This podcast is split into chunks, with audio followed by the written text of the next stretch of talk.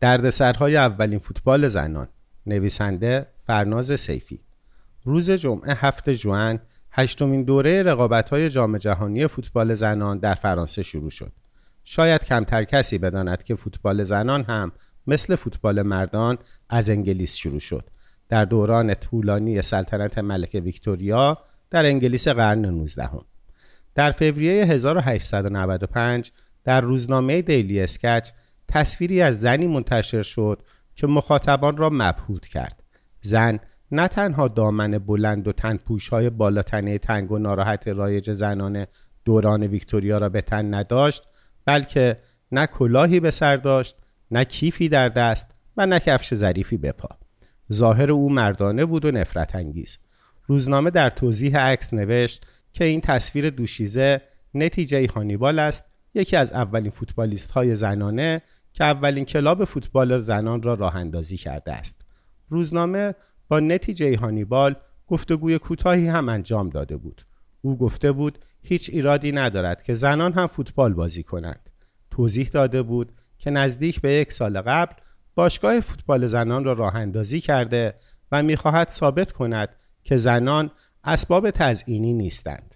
می توانند بدوند به توپ ضربه بزنند و صرفا موجوداتی شکننده و ظریف نیستند. هانیبال گفته بود آرزوی روزی را دارد که ببیند زنان انگلیس در پارلمان کشور نشستند و حق رأی دارند. حرفهای نتی هانیبال برای زمانه خود حسابی رادیکال بود. اما عجیبان که مخاطبان بیشتر از اینکه درباره حرفهای مهم او بحث کنند مبهوت از لباسهای او شده بودند و پشت سر لباسهای تن او پچ پچ سر دادند. در اواخر دوران ویکتوریا جنبش تغییر لباسهای بقایت دست و پاگیر تنگ چند لایه مزاحم و ناراحت زنان مسئله جدی و بحث روز بود. درست مثل وضعیت امروز ما خیلی دلواپسان و محافظه کاران هم مخالف بودند و تغییر لباس زنان را عامل فساد و تباهی و سراشیبی سقوط مملکت می‌دیدند و با قدرت ایستاده بودند تا دامن زنان چهار سانت کوتاه نشود. بلوزها گشاد و راحت نشود و کرست های شکنجه آور کنار گذاشته نشود. حالا ناگهان تصویر زنی در روزنامه منتشر شد که هیچ یک از عناصر لباس های رایج و مقبول و ناراحت را بر تن نداشت.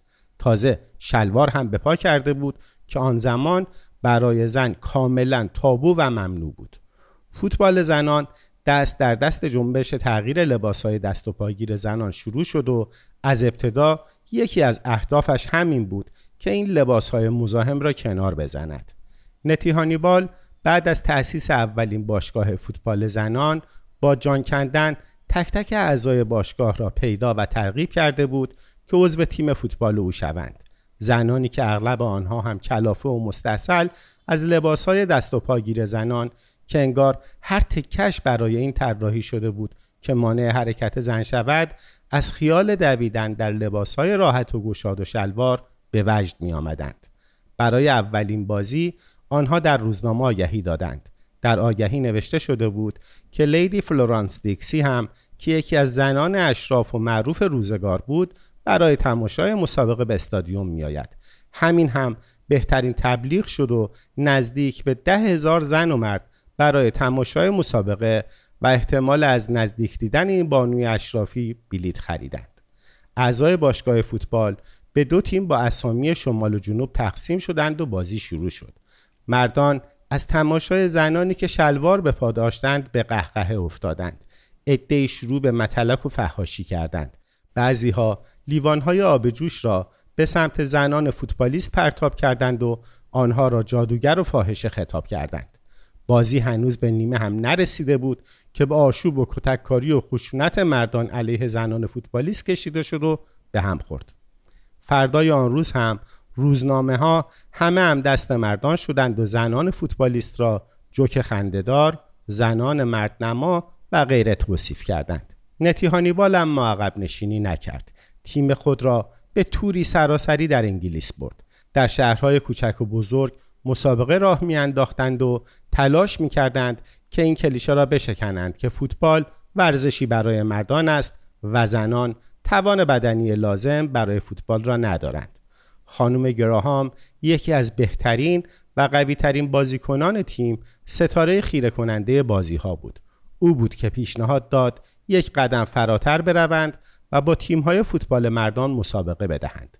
پیشنهادی که عاقبت تلخی را رقم زد. از همون اولین بازی با یکی از های مردان خشونت آغاز شد.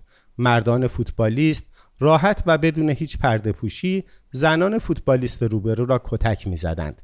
لباس آنها را بر تنشان پاره می کردند و زمین فوتبال بیشتر شبیه رینگ کشتیکت شد. مردانی که پیش از این مسابقه دو تیم زنان را اسباب تفریح و خنده می‌دیدند حالا ناگهان خونشان به جوش آمده بود و رقابت با زنان را اسباب سرفکندگی، شورش زنان علیه اتوریته مردان و توهین به خود می‌دیدند و از هیچ خشونتی عبا نداشتند.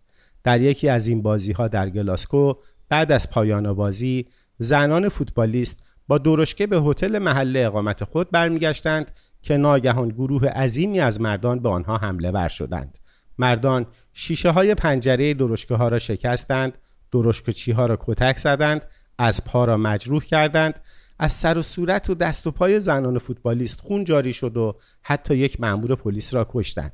بعد از این واقعه تلخ بود که مقامات برگزاری مسابقات فوتبال تصمیم گرفتند دیگر هیچ وقت اجازه ندهند که تیم‌های مردان با تیم‌های زنان فوتبال بازی کنند. قاعده ای که تا امروز هم پابرجاست. این روزها اگر مسابقات جام جهانی فوتبال زنان را دنبال کردید نتیجه هانیبال را به یاد آورید که رویایی داشت. زنان از شر این لباسهای دست و پاگیر و بلند و تنگ و مزاحم راحت شوند. شلوار بپا کنند و کفش ورزشی. تنها اسباب تزئینی شکننده نباشند و روزی در پارلمان بنشینند و حق رأی داشته باشند.